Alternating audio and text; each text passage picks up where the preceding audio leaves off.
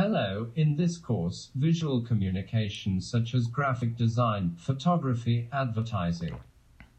From future jobs that designers will face and implement, the basic language of visual communication is examined with visual examples. Workflow in the field of design is taught to provide students with the knowledge of workflow for graphic design and related areas, and to transfer sectoral information. Hope to see you in class. Bye.